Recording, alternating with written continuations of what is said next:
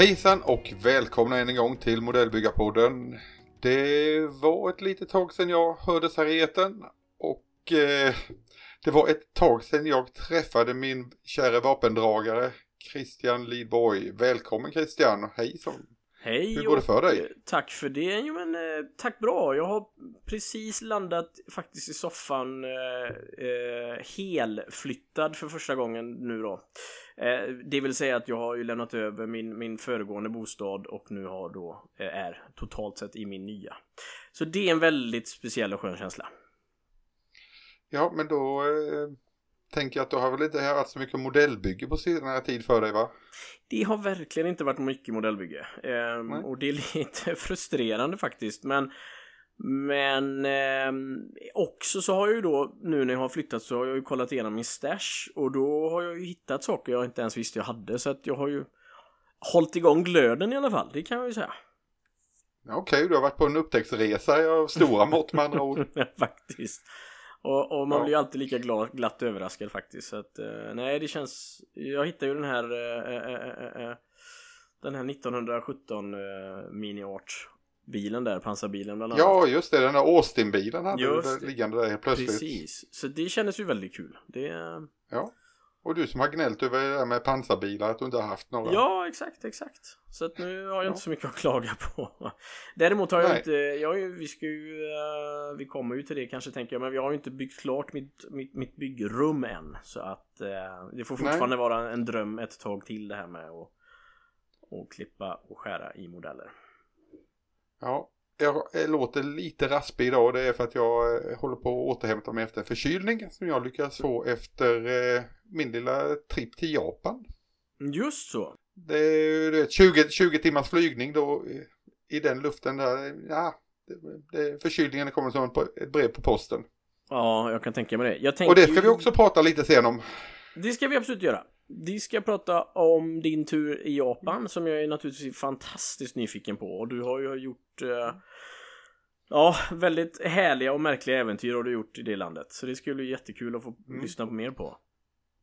Men ska vi börja med eh, vad som har hänt uppe i Allingsås här nu? Flytt Ja. sa du. Ja. Och det är någonting som eh, jag i alla fall alltid har fasat för när det gäller modellbygge. Eller som modellbyggare har jag fasat för alla gånger jag har flyttat. Ja. Hur, eh, hur känns det överhuvudtaget?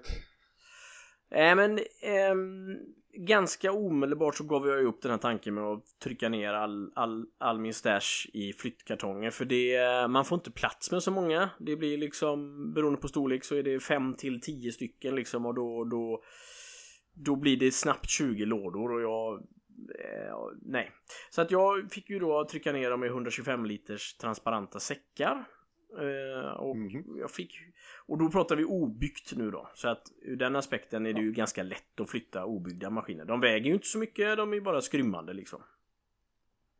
Men eh, du tog, valde transparenta säckar i alla fall. Det var ju smart av dig. Så man inte slänger dem av misstag, för jag har åkt några vändor till tippen Ja, du ser ju vad du har i dem i alla fall. Annars så, liksom, oj, här är en svart sopsäck till. Är det grovsopor eller modeller? Exakt. Nej, jag ser gott och väl faktiskt. Och så eh, har man redan börjat fundera lite på hur man ska... Jag har ju haft min stash på 7-8 olika ställen i lägenheten, men nu har jag ju möjlighet att samla den. Så då tänker jag så här, ska man... Är man nördig om man samlar stashen i, i exempelvis en era eller en nationalitet eller sådär? Jag vet inte. Det kanske jag tar Nej, absolut inte. Nej. Eh, Det finns ju många sätt att sortera. Jag har ju sorterat min stash efter eh, fabrikat. Ja, ja just det. Ja, men det är ju lite fiffigt faktiskt. Så det, men det är ju upp till var och en hur man vill göra. Ja, ja. Nej men det var ingen dum idé för jag har ju som sagt eh, väl en hel vägg med, med eh, stora garderober så att eh, jag har i alla fall stor plats för dem så det känns skönt. Nej, sen är det ju att jag har ju också flyttat då färdiga både dioramor och s- dioramor soon to be färdiga Eh, och det, det, då är man ju lite mer försiktig faktiskt. Även om jag brukar vara lite um, oödmjuk inför det faktum att jag kan har jag byggt det så kan jag laga det, tänker jag ibland. Men det har jag varit lite försiktig med dem faktiskt. Så de har ju fått uh, sitta i framsätet uh, en och en i princip när man har kört då. Mm. Ja, du, jag kommer ihåg du pratade innan om det här liksom, oj vad hade jag alla grejerna till det här bygget och så vidare. Lite halvfärdiga byggen och som var utspridda på lite här och var. Ja. Eh, har du hittat mer grejer under tiden här nu då? Jag tänker att det detektivarbetet kommer börja sen när jag ska börja inreda eh, mitt hobbyrum. Men jag, jag, ju äldre man blir desto klokare blir man ju. Så att det var ju vissa projekt som jag insåg sådär att jag jag saknar hälften av grejerna för att jag och jag kommer förmodligen inte hitta dem så att då har de faktiskt gått i bingen och det har inte varit mm. så många sådana projekt men jag har verkligen varit krass i att jag, jag, har, tapp, jag har inte tappat sugen på det, jag har inte alla delar och så vidare. Och så vidare. Då, då har det faktiskt åkt i bingen. Så att, eh, och det har inte varit många. Men, mm. men har, det varit, eh, har det varit en svår resa det här med att eh, oj, ska jag ta göra mig av med det här eller ska jag spara det? Finns det något hopp för det?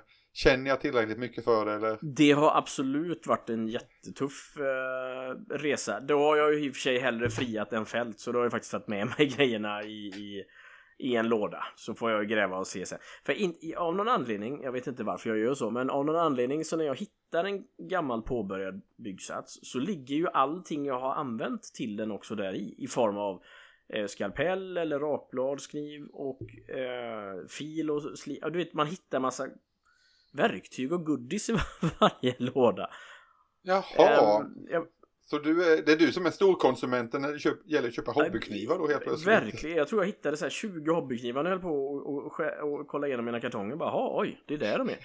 Men ja. Eh, jag tror inte... Men du, vad, vad, beror, vad beror detta på? Är det för att du har suttit på något annat ställe och byggt eller vad? Det är ju en rimlig tanke men det gör jag ju nästan aldrig faktiskt. Jag har väl tagit med något kit till Grekland någon gång sådär. Eh, när familjen ligger och tar en siesta så kan man sitta och bygga. Men annars. Mm. Nej, jag tror nog bara att jag, men det kanske är så här att jag inte haft en, en riktig byggplats. Så har jag alltid haft grejerna i kartongen. Och så har jag tagit fram den när jag har mm. kunnat bygga och sen ja, så hittar man grejerna där i. Och Ja, jag vet inte. Levt i provisorium. Ja, exakt. Och nu är det slut med provisoriumet faktiskt. Um, så det ska bli fint. Men eh, ja, du har jobbat lite på ditt hobbyrum i alla fall. Fått upp lite väggar och grejer. Det har jag ju har du lagt ut lite bilder på. Precis. Så grunden är lagd där Den är verkligen lagd och jag är redo för nästa steg och det är egentligen bord. Så då har jag ju tre stycken bordsskivor här nu som jag tänkte använda. Men så, så tänkte jag på eh, om man skulle behöva ha en ståhöjd på ett av borden. Jag vet inte om det det bara slog mig så att man kanske kan uppskatta det ibland. Jag vet inte men um, ja, jag har funderat på det också som sagt att det hade varit bra emellanåt med ett höj och sänkbart bord. Om inte mm, annat mm. för att man ibland skulle vilja komma upp och sitta, även om du sitter normalt på stolen skulle du vilja ha saker och ting, alltså bordsytan, bordsytan nästan på eh, uppe i ögonhöjd. Ja, det är faktiskt sant. Istället för att sitta och kröka ryggen som en annan idiot. nej, ja, nej men det är sant och jag vet inte, för jag har ju ingen höj och sänkbar möjlighet och jag just nu tänker jag inte investera i en sån eh, skrivbord. Men men du, eh, Ikea säljer ganska billiga handvevade underreder. Ja, okay. Som du kan sätta på vilka skivor ah, som helst. Ja, det är i och för sig väldigt bra att veta inför framtiden faktiskt. Jag tror de kostar en dryg tusing eller ja, 1500 spänn. Ah, okej. Okay. Ja, men det är ju i och för sig jättebra. Titta ja. på det. Det kan ju vara ett alternativ för du behöver ju inte ha ett eldrivet. Så ofta ska du nej, inte nej, sänka, exakt. sänka. Det är ju inte Liseberg du ska bygga här. Party. Nej men och, och, så tänker jag att rent estetiskt så är, blir det ju inte så sexigt när man har ett eh, bord som är mer som helt plötsligt är två meter upp och det andra är en meter ner. Eller ja, förstår du vad jag menar? Det blir, eh, jag vill ju kunna ha den här gigantiskt långa byggytan. Um... Jo, men den kan du ju som sagt eh normalhöjden på bordet kommer ju den kommer du ju ställa in och veva ner det mm. till den och sen Ja Du kan ju till och med sätta ett par klackar under så att på de andra borden jämte så att du inte kan sänka det under en viss höjd Nej precis precis Nej, vi, vi, ja, jag ska fundera vidare på det faktiskt. Men det, nu är det i alla fall redo för, för detta. Så att nu, eh, min dotter ville ha en, en enklare ram för en framtida singel, äh, sänghimmel. Så att det, Det ska jag bara snickra först och sen ska jag gå loss där inne. Mm. Så det, ja, jag får återkomma i ämnet helt enkelt. Ja, men du, eh, jag är fortfarande nyfiken på det här med eh, vad som hände här under flytten med dina modeller och så vidare. Vad gjorde du mer för intressanta fynd än eh, en, en Austin-pansarbil? Blev du överraskad över hur stor stash det var för det första? Eh, men jag blev överraskad för det och så var det några sådana, du vet när man hittar kit som man själv blir nästan lite avis på om andra har och så hittar man sådana själv och man hade glömt av det och det var ju eh, Alltså eh, ryska bandkanonvagnar från Trumpeter modell eh, Moderna och sådär och Nej men det var väldigt tacksamt och mycket figurer. Jag hade mycket mer figurer än vad jag trodde faktiskt. Gamla Dragon Kit sådär och uh, Jag minns, vad hette det när de började göra figurerna lite, var det second generation eller vad hette det? Ja, det var något sådant. Mycket sånt var det jag hittade och det är ju alltid kul även man Det är ju sällan man kan ha en figur kanske utan att helt eller småkonvertera den men Nej, så... Och sen var det ju färger då. De här, alltså som sagt att jag alltid köper några 17 ml burkar liksom här och där för att jag ska fylla ut orden eller någonting, du vet sådär. Ja, jag hittade dem fan i mig till förbannelse. I kalsonglådan, i, i diskmaskinen, i kylskåpet, du vet överallt. Ah.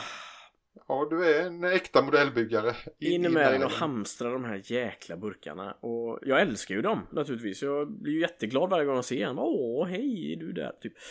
Men... Så att... Och, och där tänker jag lite att jag faktiskt inte vill ha dem ovanför eh, byggbordet. Så jag tänker att jag ska dra dem på en vägg vid sidan av. Eh, och det är faktiskt mm. också rent estetiskt att jag tycker att det kan stöka till det lite emellanåt. Jag är, jag är sådär kluven. Jag, jag, är ganska nöjd med hur jag har den mm. nu. Så, ja, du vet hur jag har det i mitt hobbyrum. Att de är ju inte direkt eh, vid byggord. Jag får sträcka mig lite Just efter det, dem. Precis. Men, eh, och i mitt gamla hobbyrum där hade jag dem precis diktan mig själv. Alltså det ja. var ju... Jag kunde, jag kunde eh, öppna käften och ta en eh, färgflaska med den. Med ja. munnen intressant partytrick förresten. Men, ja. Nej men det var ju för, jag märker nu att vissa färger de hade jag ju velat ha närmare mig just nu när jag sitter och målar. Ja.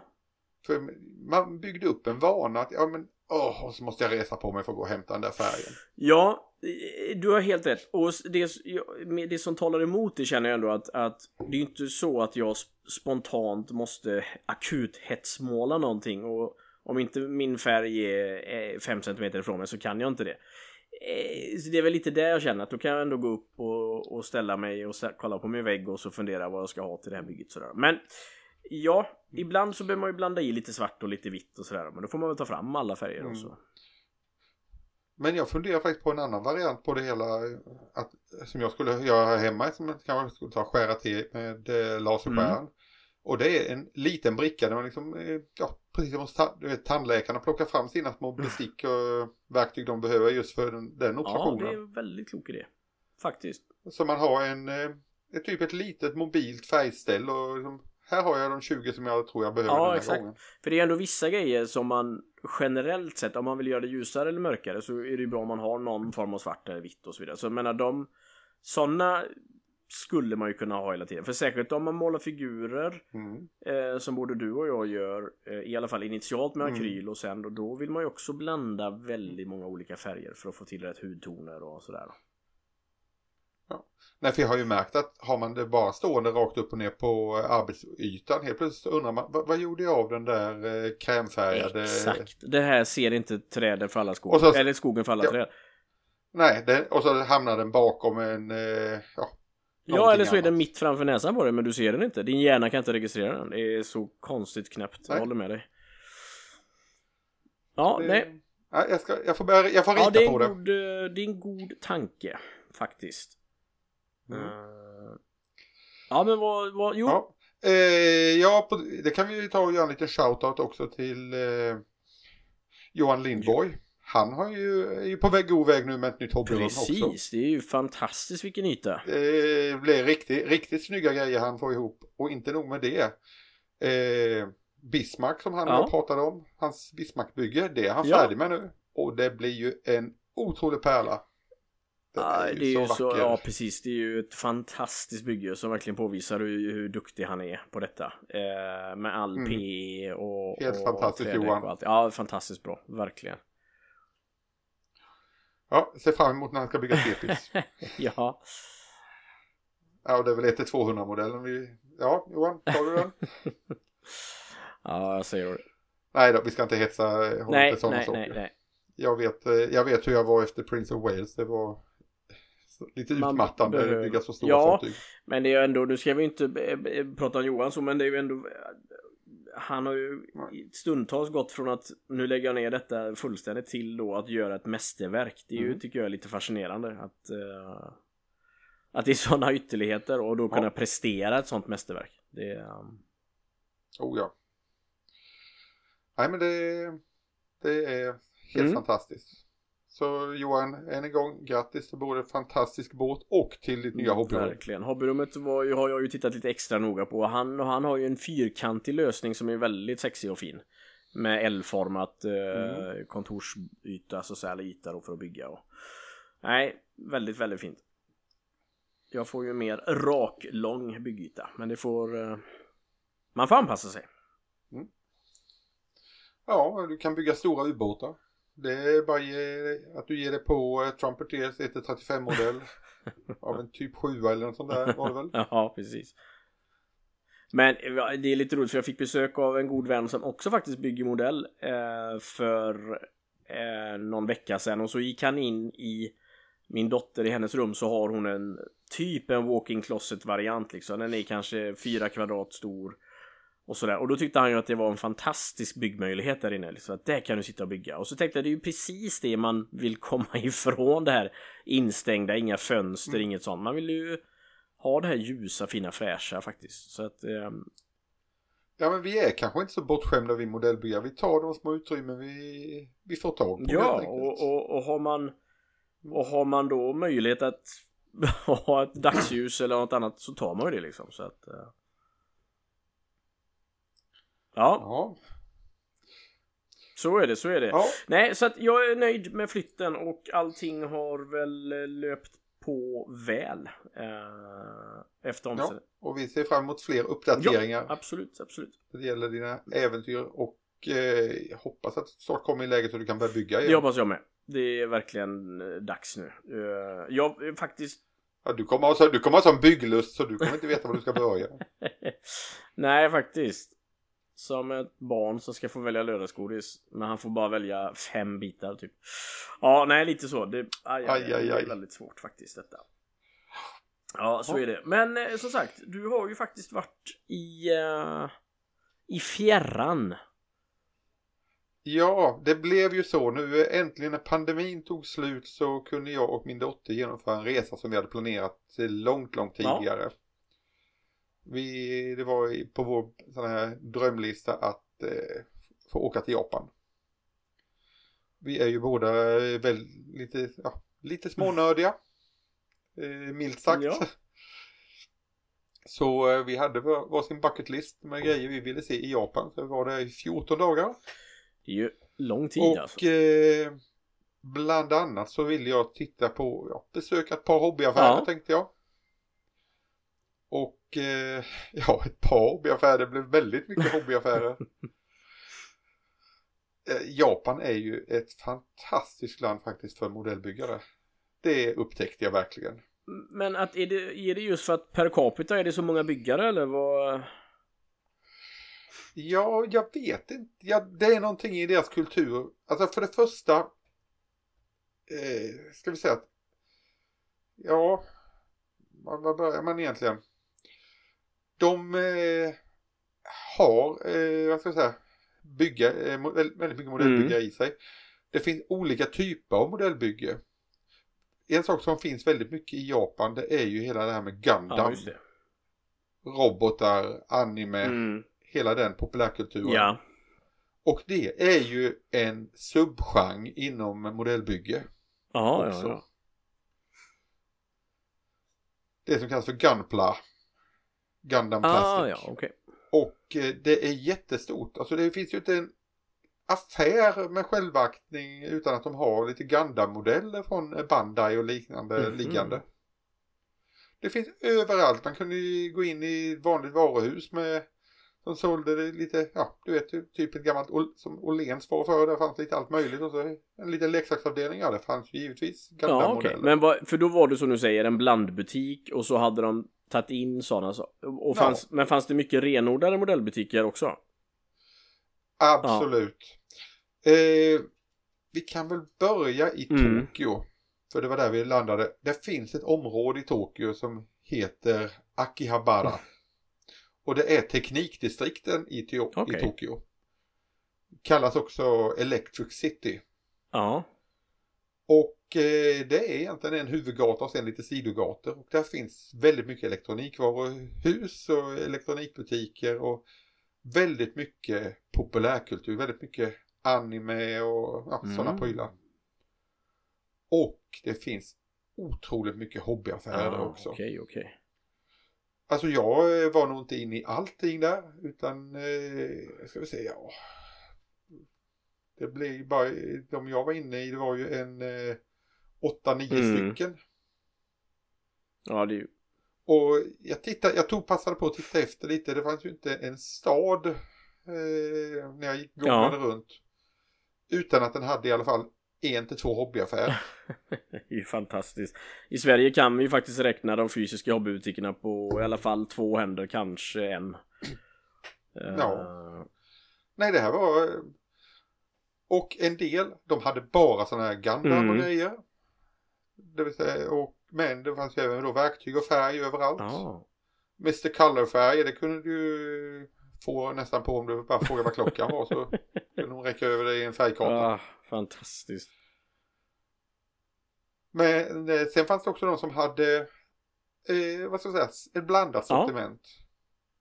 Och jag får känslan av att eh, det här med modellbyggat Gundam är vanligare än eh, att bygga det vi kallar ja, europeiskt klassiskt modellbygge. Ja, okej, okej. Så, så det är mindre flyg, pansar och, och båtar så. Mindre flyg och pansar och Ja. båtar. Och mer eh, Gundam Ja, och sådana okej. prylar. Men det, de affärer som hade eh, vad ska jag säga, vanliga modeller som inte var science fiction. De var väldigt välsorterade. Ja, okej, okej. Så det var jätteroligt att eh, besöka dem.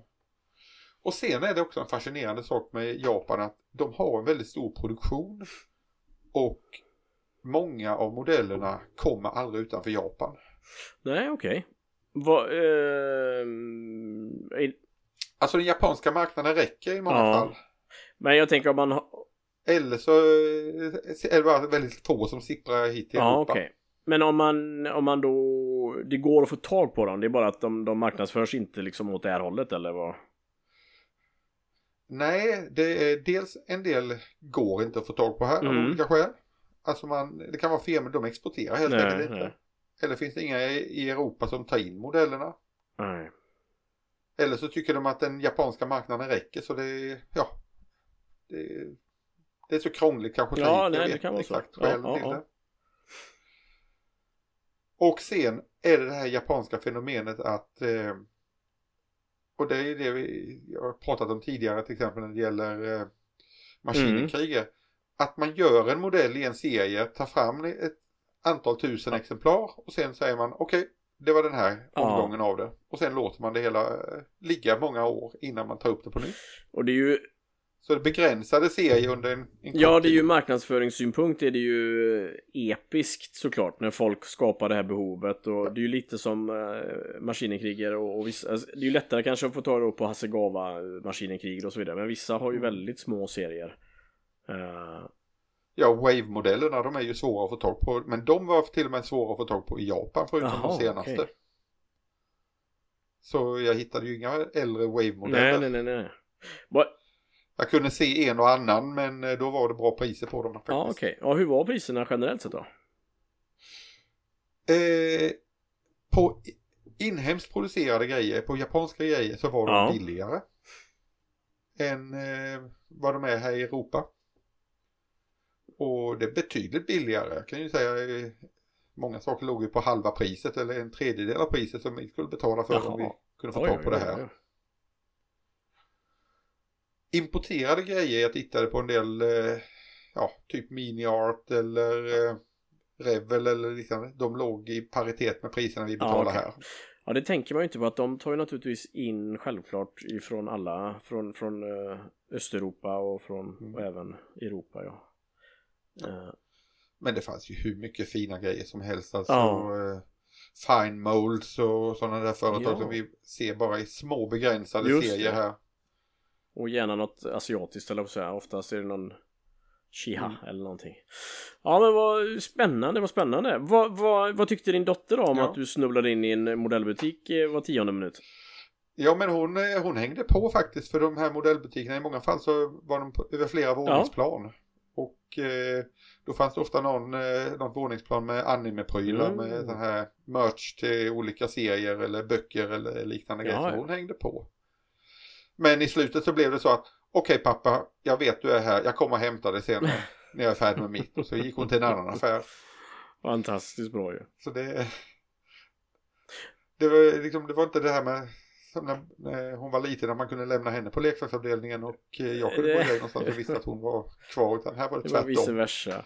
Vad, och, och, Men om du, tänk, om du tänker dig hobbyaffärer på sex våningar. Vad säger du om Ja, det? nej, det går inte att ta in. Alltså man måste ju uppleva det på något sätt. Så att det... Nej, jag är vansinnigt sotis. Och samtidigt så är det ju jättebra att du har gjort den här. Så kan ju du berätta om dina ifs and buts och don'ts and dos och hela den här biten. Så att Ja. jag tänker att man har... Men du, jag kan ju dra lite, jag, jag kan ju dra lite kort vad det är några bra Ja. affärer som finns. Ifall att någon bara får ett ryck att det, ah, i helgen åker jag till Tokyo. Ja, absolut. Och i just det här området runt eh, Akihabara, det här teknikområdet, där fanns ju många eh, bra Mm. affärer. Och det är ju de här elektronikvaruhusen, man får titta efter skyltarna det kan stå Gundam eller Plam, Plamodel eller något sånt där. Står det på engelska på skyltarna? Eller eller enkelt, hur- ja det står på engelska Ja, ofta. ja, Eller letar man bara efter små symboler på Gundam-figurer. Mhm. Okej. Ser du en Gundam-robot så Ja. Men eh, sen gjorde jag också det. Jag tog ju, jag hade, resan var ju inte för att primärt eh, titta på hobbyaffärer. Även om det blev många. Men eh, jag tog bara Ja. googlade. Jag googlade hobby och fick fram en massa hobbyaffärer. Och jag googlade sådana saker som Gundam. Och fick fram ännu fler. Jaha. Det bara liksom bara poppade upp små kartnålar överallt. Helt otroligt. Men kommer man till det här området Akihabara så har vi bland annat en jättestor affär som heter Yodobashi Akiba. Okej. Det är ett enormt sån här elektronikvaruhus på 6-7 våningar. Du kan köpa allting från locktänger till tvättmaskiner Mm. och solceller och en enorm avdelning med plastmodeller. Där finns allt. Jaha. Helt fantastiskt. Åh, så gott. Och där var liksom hur mycket Gundam som helst, hur mycket vanliga modeller Ja, som helst. Alltså Tamiya och, och blandat och... Ja då, Allt. allt du kan Mm. tänka dig. I samma område finns det en affär som heter Big Camera. De har också en våning som är i princip, ja, hur mycket modeller som helst också. De hade väldigt mycket bilar vet jag bland annat. Du kunde få tag på mycket Aoshima Jaha. Och Tamiya bilmodeller. Men vad, hur känner du när du går omkring där då? Känner du att så här, den vill jag ha, den vill jag ha, den vill jag ha? Och så kan du, finns ju begränsningar vad du kan köpa med dig hem tänker jag rent logistiskt. Ja, det var ju det som var problemet. Bagaget var som, som du sa när du flyttade, det vägde inte så mycket men det tar ju plats. Det skriver man inte. Ja. Nej för jag, Det var ju nästan så jag tänkte ett tag, ska jag ta och klippa väck allting från sina sprues och liksom trycka ihop exakt så. det? För de tankarna har ju själv Nej. slagit en när man varit ute och handlat någon gång. Och som du säger med kartongmässigt, ja men man behöver Ja. nog inte boxen liksom. Det kan man klara sig utan. Och sen Ja. klippa ner det till spruce, det, det går väl någon form av gräns kanske. Men eh, Ja. Nej, det Nej. gjorde jag inte. Eh, jag satte kvickt upp ett par kriterier för mig Mm. själv. Det ska vara saker som jag verkligen vill ha Ja. för det första. Det ska vara sådant som antingen är skitdyrt här Mm. hemma eller i princip omöjligt att få Ja. tag på. Det jag kan få tag på här inom rimliga Mm. gränser. Då kanske det var lite dyrare än Japan och så vidare. Men det som går att få tag på, det brydde jag mig inte om. Utan det skulle vara sådär som var lite unikt Ja. helt enkelt. Ja men det är väl en bra kriterie. Och, ja, och sen var det en sak till som jag gick igång på och det var verktyg. Ja. För verk, och det ska vi strax återkomma till. Verktyg, där, var, där fanns ju hur mycket som helst. Och precisionsverktyg, små handverktyg. Elverktyg kunde jag inte bry mig om. Det, tyvärr, de har ju 110 volt i eh, Ja, Japan. Så okej. det hade bara ställt till det lite. Så med handverktyg, små precisionsverktyg. Och det har jag ju tittat för på nätet. Att japanerna de har hur mycket fina grejer som helst. Så tänkte jag att det ska handla, köpa, eller shoppa loss ordentligt. Det låter ju ljuvligt. För det är klart att ver- verktyg har vi ju sagt att det kan man ju, det räknas ju inte in till stashen så det finns ju ingen begränsning. Nej. Eh, Och sen är det väl fördel att du kan få med dig betydligt fler i, på flygmaskinen också. Sen kanske det inte får vara några huggande och stickande och farliga grejer men eh, Nej men det, du får ju lägga det i det incheckade bagaget helt enkelt. ja. Precis. Så det gäller att eh, plocka ner Ja. det. Och där fanns också jättebra affärer. För det första det här Jo- eh. Mm. Där fanns mycket, mycket verktyg. Sen fanns det som heter Folks Hobby Paradise. Okej. Och där var en hel våning med, med i princip bara verktyg. Jaha. Och, och, Hur mycket och, så, och, och anpassa det till, till våran hobby så att säga då. Till, ja, bara modellbyggarverktyg. Mhm. En hel, ett helt våningsplan i affären. Ah, gud vad gött. Eh, Vi får tillägga här att du kommer lägga ut några bilder på Instagram här också så att, ja, eller på Det får jag Facebook väl så göra. att vi kan se eh, Ja, dina, dina för det besök. var mycket, mycket roliga verktyg jag fick på. Ja, jag kan tänka mig det. Sen så eh, fanns det, det finns faktiskt också en vintage eller andrahandsmarknad Mhm. i eh, Japan när det gäller Mm, modeller ja. på ett sätt som var väldigt fint. Okej. Och också uppe i det här Yodobashi-området så fanns det ett par affärer som heter Leonardo ET och Leonardo GT. Mhm. De ligger på ett par bakgator. Ja. Och ja, eh, Tokyo stad, det som räknas som Tokyo stad, det har ungefär lika mycket invånare som Sverige. Och vet du vad som hände när jag knallade in på den här Leonardo-affären? Jo, framför mig så ser jag ett skäggigt förvånat ansikte. För där står Öken-Erik. Erik Ahlström i hö- egen hög person och tittar på modeller. Ja, det är ju... Ja, det går inte att sätta ord på hur förbannat märkligt det måste ha känts. Eh, förstår jag. Och springa på en svennebanan Ja, det- i, mitt i ingenmansland. Eller på så här, mitt ute i, i, Japan. Ja, vad häftigt. På andra sidan jordklotet så springer jag och Erik på varandra i samma hobbyaffär. Vem blir mest förvånad då? Var det han eller du, tror du? Eh, jag tror nog vi blev lika förvånade bägge två. Ja. Men vi fann oss väldigt snabbt och eh, började kvickt prata modeller. Ja. Vad fint. Ja. Och, och han var semestrade där eh, samtidigt helt enkelt. Det var slumpade så fantastiskt. Ja. Det, han var där samtidigt som mig. Han var där med familjen också. Ja, herregud. Ja, Mm. nej det finns som sagt, det fanns många affärer i Tokyo-området. Ja, Sen var jag ute faktiskt på en väldigt, ett par väldigt roliga ställen. okej. Ute i, Yok- ute i Yokohama, Mm. eh, den stora hamnstaden utanför Tokyo. Där finns ju en, en grej som heter eh, Gundam eh, Base Factory. Okej. Eller Gundam Factory heter den. Ja, ja, ja. Och det här Gundam Factory där, där är ju, det är ju en stor life-size eh, Gundam som man har byggt upp där. Mm. Som rör sig. Det är en hel show runt det. Jaha. Så det är, betalar man lite inträde, tittar på den här showen. Och sen har de en eh, affär där med special edition modeller som bara säljs där. Ah, coolt. Hur stora är de här? eh, Var de 2-3 meter höga eller 2 meter eller vad? Gundam-modeller. Eh, Ja, när de hade den här liveshowen där som du sa. Alltså då pratar vi om en grej som är eh, ja som ett 6-7 våningshus kanske. Nej. Det är enorma grejer. Jag får lägga ut en bild på det ja, det också. får du göra. Det går inte att riktigt förstå faktiskt. Den var, eh, en sån här Gundam är ju en enorm skapelse. Jaha. Ja, ja herregud. Och som sagt, förutom den här showen så sålde de lite spe- special edition modeller Mm. där. Som bara såldes på det stället. Och de, det var ju till och med att eh, så här skyltar, ja du får max köpa så här många av den här Jaha, modellen. okej, okej. Max tre stycken. Högg du någon där då? Ja, Ja. då, givetvis gjorde jag. Ja, såklart, såklart.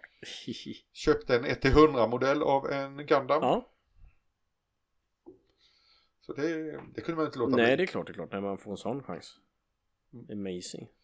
Är det Yokohama och sen också, det var Yokohama utanför. ja, ja. Men det var ju bara en, eh, ja, en liten eh, tågtur dit så var man där. Ja, okej. Var det lätt att, att, Och- åka kollektivt? Förlåt, nu bry- bryter jag in med Ja, frågan. ja, frågan. men, ja men det, det var fantastiskt lätt att åka kollektivt. Ja, okej. För, Japan är ett jätteenkelt land att resa i faktiskt. Ah. Det är väldigt bra service. Väldigt välorganiserat. Mm. Mycket lätt att ta sig fram. Ja, okej. Cool. Sen får vi ju inte glömma den här heliga graalen som man som modellbyggare bara ska besöka när man är i Tokyo. Mm. Tamaya Plumel Factory. Tamaya-butiken. Ja. Och hur var det? Hade de något litet eh, showroom, utställning där de visade lite grejer eller något museum-ish? eller? jag var ju väl, eh, Tam- Tamiya-butiken var ju mindre än vad jag trodde. Jag trodde den skulle vara lite större. Ja, okej. Men eh, det, den kändes, ja, det kändes kul, kul i alla fall att komma dit. Ja, fantastiskt. Och ja, jag hade väl tänkt att jag skulle köpa lite merch där men eh, japanska storlekar och på kläder de, de slutar vid XL ungefär så Ja, jag måste säga, det hade ju blivit en sån här liten tanktop till mig väldigt En tight väldigt- grej nej. tight. eh, Det är, inte, det är inte din grej helt och hållet det här med tajta, supertajta t-shirtar. Nej. nej, nej. Det är nog inte det. Men och någon Tamiya-mugg kanske, man, kanske man kan, eh, det kan man ju köpa här också eller på så här. Men det är klart, allt är ju kul bara man har Ja, köpt de det. hade, de hade inga muggar, de hade inga muggar just där då. Nej, okej, okej, okej. Men jag kom hem med en plastkasse i alla fall. Ja. Ett par böcker och en eh, liten ubåt i 1700. Ja, ja, ja. Nej men det är ju det att de flesta Tamiya-modellerna du, du, du kan ju få tag på de här. Det kan man ju, Det det kan man ju. inte Och, och, Något vidare unikt på det sättet. nej, det, sen blir det väl alltid en speciell känsla faktiskt att du har köpt den i Japan. Det tänker jag att det blir ju ändå eh, Ja. på något sätt en speciell känsla faktiskt. Nej och sen eh, var det ju vidare ner till Kyoto. Mm. Och där fanns ju också så här Yodobashi affärer med hur mycket verktyg och modeller som Jaha. helst. Och det fanns också en jättefin butik som heter Hobby Square Tokyo. Mm. Nej förlåt, Hobby Square Kyoto. Kyoto. Ja, ja. Hobby Square Kyoto. Ja, den var... Det var helt underbar. Det var som att komma in i ett tempel nästan på för modellbyggare. Så kändes det. Men vad, du blev aldrig mätt på det? Eller förstår du vad jag menar? Att man kände så här, åh, inte en butik till. Eller liksom, hade man sett Nej, det var, det var snarare, åh herregud, finns det ännu mer av det här? Och det vill jag ha, och det vill jag ha, och det vill jag ha. Ja. För jag tänker så här, har man sett en har man sett alla, men då är det liksom inte på den nivån utan då är det... Nej, det var upp, det, det, alltså jag upptäckte ju hela tiden nya grejer. Ja. Men sen började man kanske titta selektivt efter ett tag. Ja, det är klart, det är klart. Så eh, Att man letar efter de här guldkornen liksom och... och um, ja, jag förstod ju ganska snabbt att okej, det är det här och det här jag är ute efter. Mm. Jag vill ha de här udda grejerna. Jag bryr mig inte om flygplanen nej, till exempel. nej, nej. Civila bilar, nej det får vara.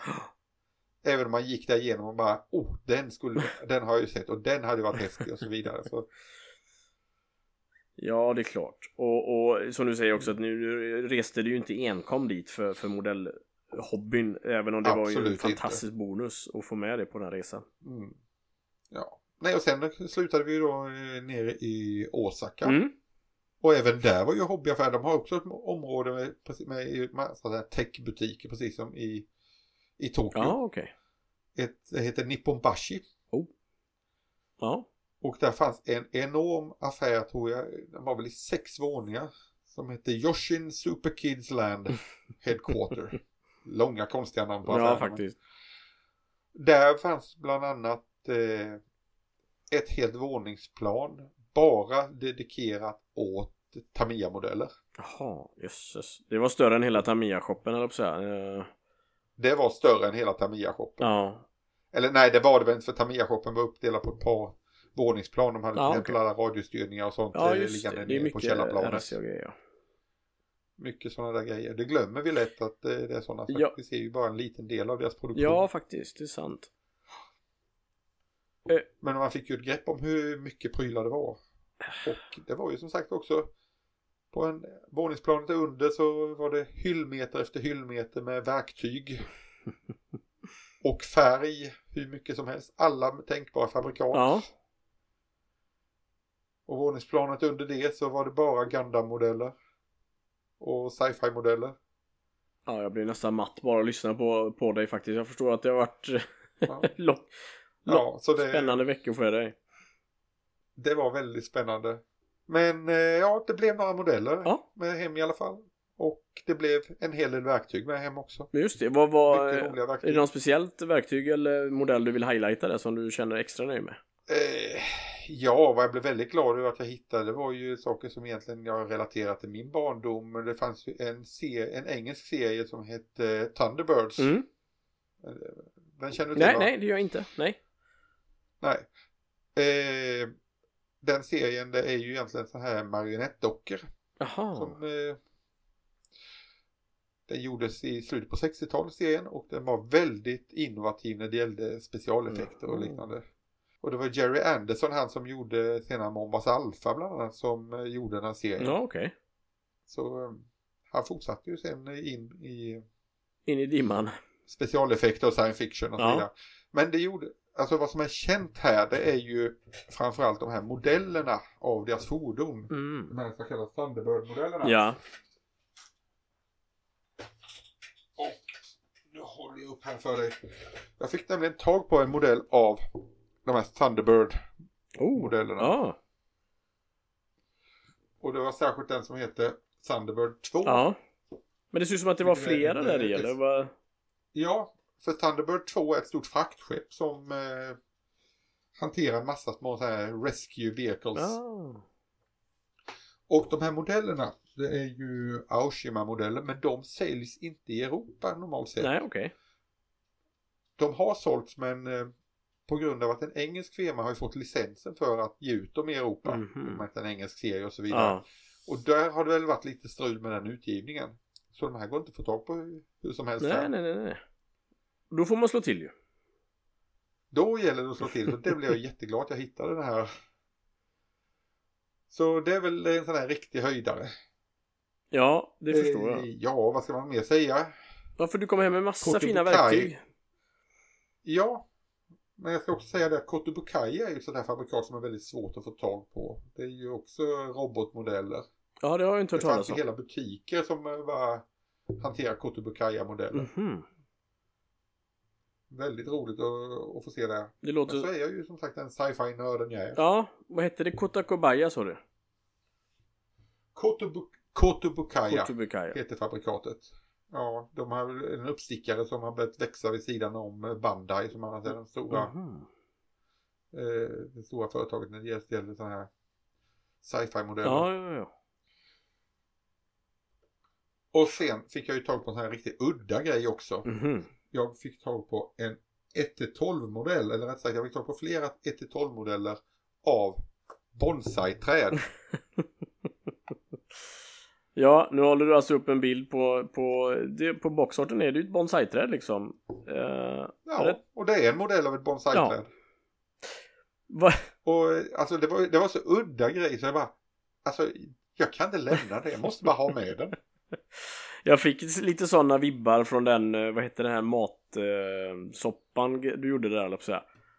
Den, den typen av modellbygge är det liksom. Ja, det är den typen. Ja. Men verktyg, ja det var mycket intressanta verktyg. Eh, bland annat sådana här engravers. Mm. Eh, för att kunna ta och gravera panellinjer. Ja, ja. Det fick jag tag på ett jättefint sånt litet verktyg med utbytbara spetsar. Mm. Utbytbara spetsar från 0,1 mm upp till 1 mm. Jaha. Så att du kan ha hela rangen har sex, i ja, liksom. ja. Ja. jag har sex olika spetsar. Ah. Fantastiskt litet Vad är spetsarna gjorda då? Det är någon, någon, någon... Det är hårdmetall ja. av något slag. Ja, okej. Något härdat, härdat stål. Coolt. Och eh, nej, det var eh, brottsjar och mycket fina eh, miniatyrverktyg. Ja. En pincett för att hålla små runda föremål med, små kulor och grejer. Jaha, hur ser en sån pincett ut? Eller hur, hur funkar den? Den är för det första låsbar hela pincetten Mm. så att man kan föra fram den så att jag kan låsa greppet på den. Ja. Men sen är hela spetsen på den Eh, det är två små tungor på varje liten Mhm. eh, halva av den så den kan greppa runt ett runt föremål. Ja, ja. Och så kan jag då som sagt genom att föra den fram och låsa den så kan jag låsa fast det hela runda grejen. Ja, okej. Ja, det var ju käckt. Kul med lite sådana Jag nya innovativa bli- grejer. Ja, det är sånt där som väldigt sällan når oss här eller så är det jättedyrt. Mm, precis så. Väldigt, lite fina stänger och sådana här saker fick jag också tag på. Ja, Eh, väldigt små tunna prylar. Filar ner till eh, 1,2 millimeter i diametern. Eh, du hittar ingen, ingen, eh, vad heter det, utmanare till Tamias eh, sidavbitar eller? Nej, det gjorde Nej, jag inte. nej, nej. Och eh, Tamiya-verktygen de, eh, ja, jag gick inte in och ville köpa av dem för de visste jag kunde få tag på hemma. Ja, ja, nej det förstår jag. Utan jag tittade på det jag inte kunde få tag på. Mm, mm. Sen vet jag inte om du kommer ihåg hur man förr i tiden eh, det först, man först lärde sig att man skulle göra till exempel simmerit och sådana grejer. Mm, Det var ju genom att värma lite knivblad eller någonting och just det. trycka ner i plasten. Ja, precis, precis. Och, så det var ju en sån här liten... Eh, att, oj då. Lät det här. Och jag fick faktiskt tag på ett litet verktyg för just en sån här glöd, glödpenna eller glödritspenna. Ja, Pytteliten spets, Ah. alltså på dryga millimetern. Och den drivs med ett vanligt AA-batteri. Oj, det låter ju... Och den är ju användbar till allt möjligt. Du vet att få ihop vinylband och Ja, precis. ja, smälta ihop lite allt möjligt med. Eller göra markeringar eller... Vad smidigt att så den var- drivs... Det var sån här rolig Ja, att grej. den drivs med ett A-batteri. För jag var nästan rädd att du skulle säga att den drivs med gas eller något sånt där konstigt. Men, eh, men då... Ja, fick, fick hem en gasolflaska också. precis. Det var bara japanska kopplingar på de flaskorna. Ja. Nej, det var ju coolt. Ja. Verkligen. Det var en sån här riktigt cool Ja. grej. Mycket små, mycket små filar och liknande saker. Ja, right, right. Har du använt några av grejerna ändå till något bygge? Eh, ja, jag har väl redan börjat använda den där lilla pincetten med eh, eh, för att kunna greppa runda Mm. grejer. Den var ju jättebra redan från början. Ja, okej. Det, bara det där faktum att den är låsbar. Ja, det är ju faktiskt och är helt jättebra. fantastiskt. Verkligen. Så det, jag kan väl sammanfatta som att det är ett paradis för eh, modellbyggare i Japan. Det som, jag var ju nästan beredd att flytta dit. Parallellknivar fick jag tag på också, ett par tre stycken. Ja, Av olika slag. Det vill säga där vi har parallell, eh, knivblad som sitter parallellt. just det. Där man kan eh, till exempel skära ut tunna linjer i tejp och liknande. Mm. Få dem lika, lika breda. Hur, hur många knivar i rad eller i bredd är det då? Fyra, fem stycken? Jag tror jag kan få upp till fyra, fyra knivblad knivblad, ja. samtidigt. Ja, coolt. Och det var lite olika varianter på det.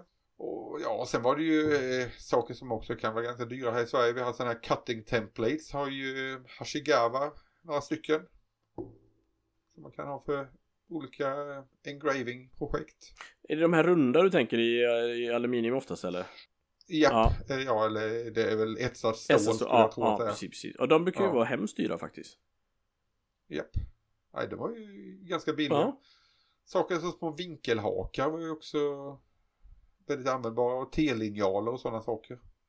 Vad- Nu ska jag inte eh, avbryta din eh, Japan-berättelse men jag fick faktiskt hem ifrån eh, ja, Amazon motsvarande en sån L, vad kallar man en sån 90 graders vinkel? Ja. Och den var någon sån perfect perfect historia. Men när jag fick hem den så var den ju inte större än fingret och tummen i princip. Eh, Och då har jag små fingrar. Nej, inte ens så stor var den. Så jag blev så här, aha, jag tror det. I min hjärna hade det registrerat att den skulle vara mycket, mycket större. Men det, det kanske inte behövs större heller, tänker jag. Men eh, Ja. Nej men en eh, 15 centimeters T-linjal i, eh, i stål. ja, det är ju guld. Det är inte helt fel. Nej, Det är verkligen. användbart. Verkligen. Och sen ett litet eh, fantastiskt verktyg som jag aldrig hade sett innan. Men det jag tänkte bara det kan jag bara inte motstå. Mm. Det var en liten grej för att eh, kunna borra små centrumhål i olika diameter. Det var fyra olika diametrar på eh, hål. Okej. Och då kunde man stoppa in dem som du antingen kunde stoppa in eh, det här hålet i den här jiggen från änden så du kunde göra ett hål i centrum av staven. Mhm.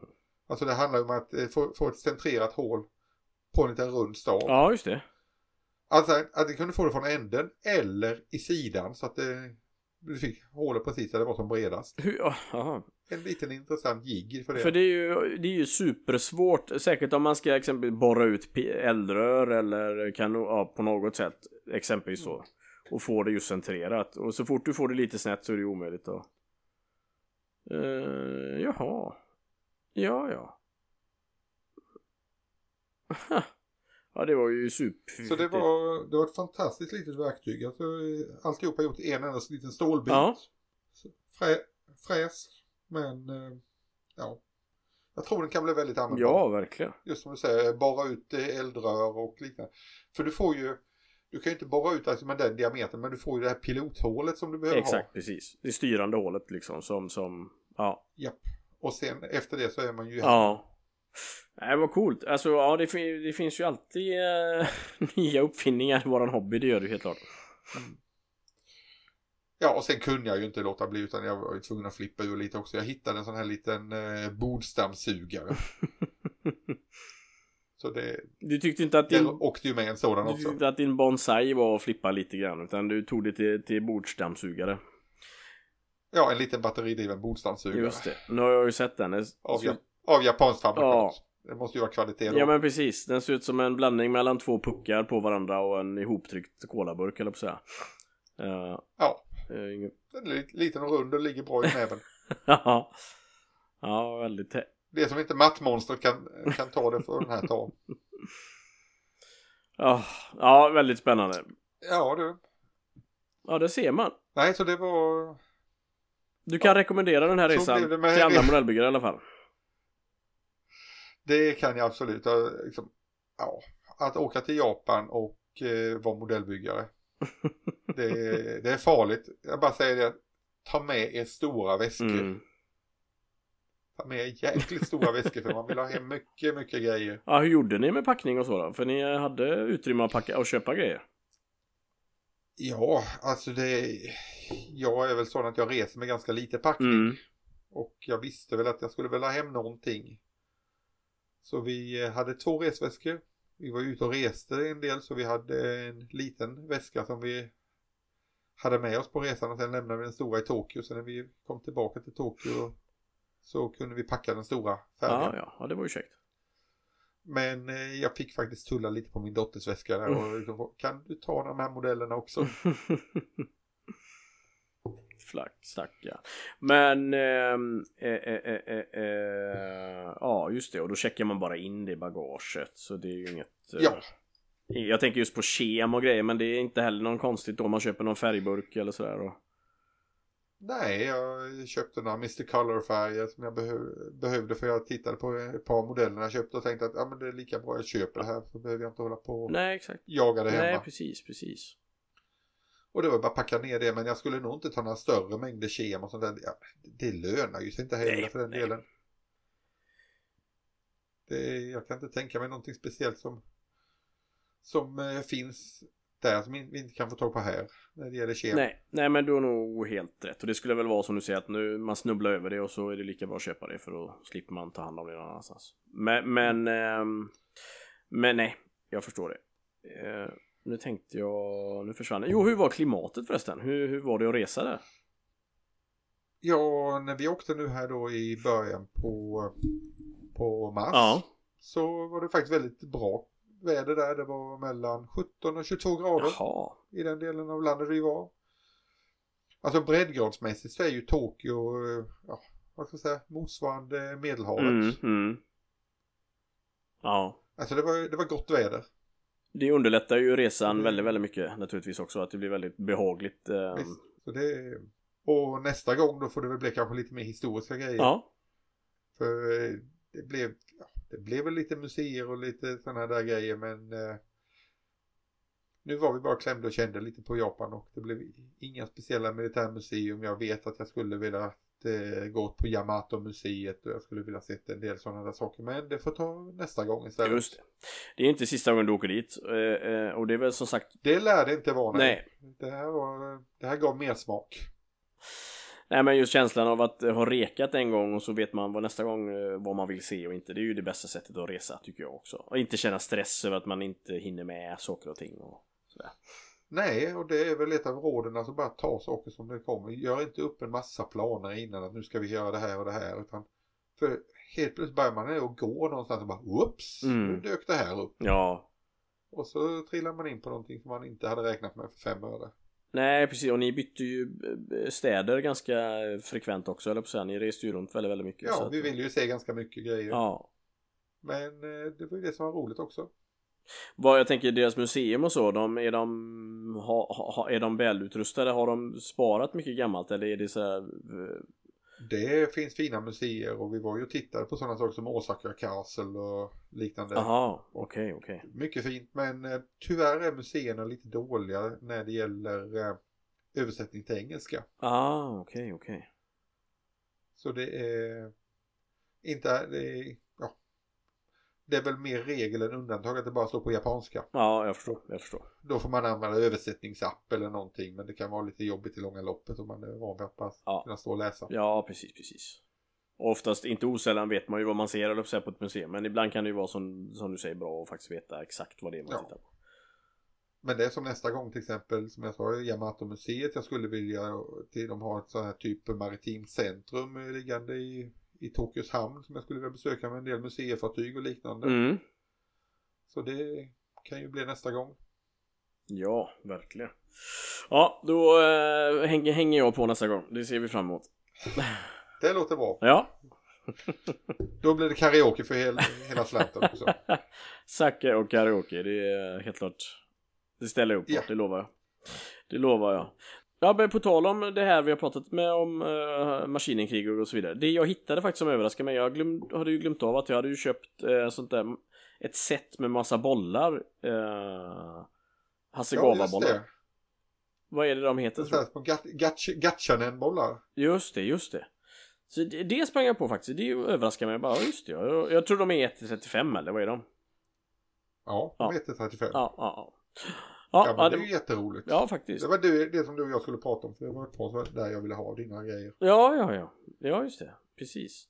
Ja, det var bara en liten passus över, vad jag kom på att jag hittade. Ja. Mm. Men du vad jag skulle säga är att eh, nu har vi kört på längre än vad jag hade planerat egentligen. Som Eh, vanligt fick du mig att komma i självsvängning. ja, det var väldans. Jag, jag hade ändå lite bevakning på hur länge vi, hur länge vi pratade förut, men så släppte jag den Ja. bevakningen och nu ser jag att vi tangerar den här timmen som vi har gjort det sista. Ja, så att idag ska vi hålla ner det. Ja, ja. Ja, det... Eh, Så blir det ibland, kära lyssnare. Vi kommer i självsvängning. Just så, just så.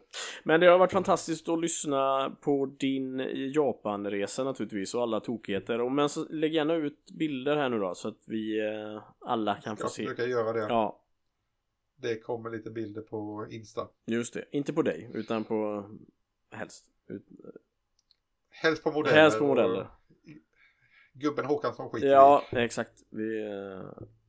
Vi är nöjda med Jag ska väl ta ett par, ett par interiörer från hobbybutik och så vidare så man, man får grepp om hur stort det är. Ja, Jag plågade ju dig och Erik under resans gång med att skicka bilder på det var en, rad efter rad av eh, plastmodeller. det var en plåga vi överlevde verkligen. Det var det faktiskt. Men du, eh, då får vi väl säga så för idag. Det får vi alltid göra. Det får vi alltid göra. Så Jobba vidare var och en på sitt håll. absolut så hörs vi eh, inom kort. Det gör vi. Ja. Ha det gött. Samma. Hej hej! Hej.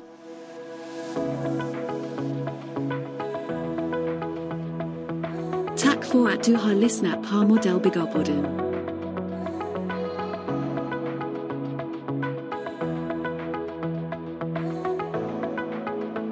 Mod, mod, mod, mod, Modellbyggarpodden.